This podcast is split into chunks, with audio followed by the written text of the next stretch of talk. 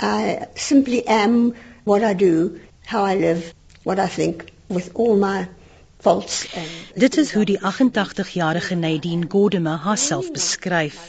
In 1991 het sy die eerste Suid-Afrikaanse skrywer geword om die gesogte Nobelprys vir letterkunde te wen.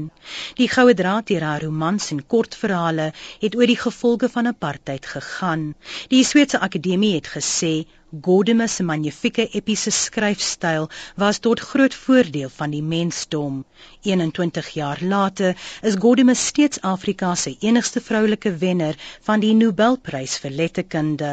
Sy beskryf die rol van die skrywer in die samelewing. To go around and beyond and deeper into the facts, into all the reasons, which are of course very complex because they come from within, from your DNA or background, but they also come from the pressures from the society that you live in. And of course, around all that, like a big cage, is the law in any country. We are an exploration of what human life means in a certain time and place.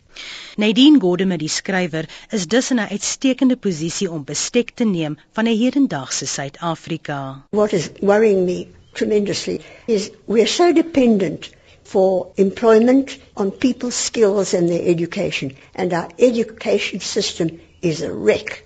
It's a shambles. I can't believe that three quarters of the year have gone by and so many of our schools, especially in the rural areas, have been without textbooks. Our education minister says, I don't deliver the books, but it is the minister's responsibility to see that the books are ordered in time and delivered.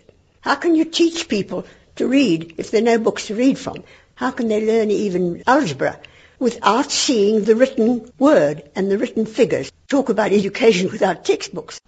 Die doyen van die Suid-Afrikaanse skryfkuns, sê anti-apartheid aktiviste soos sy, het 'n idee gehad oor die vryheid en demokrasie waarvoor hulle hulle lewens opgeoffer het. Maar miskien is iets agterweeg gelaat. We were so totally absorbed in getting rid of apartheid we didn't take time to think, what's it going to be like afterwards? We suddenly became free, but unprepared. We knew that we want a completely non-racial society where everybody is equal and everybody accepts everybody else. But we thought it's going to come automatically. But of course it doesn't come automatically and we are now dealing with these big questions. Een so groot vraag is die kwessie van vryheid van uitdrukking. Tussen 1966 en 1981 het die apartheidregering drie van Nadine Gordimer se romans verban: The Late Bourgeois World, Burger's Daughter en July's People. Daar is nooit haar gesê hoekom nie.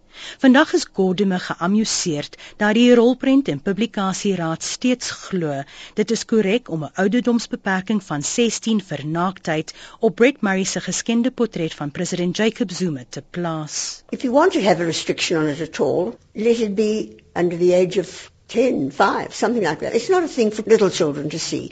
But I think by full adolescence at 16, you need to be confronted with what's happening in the world.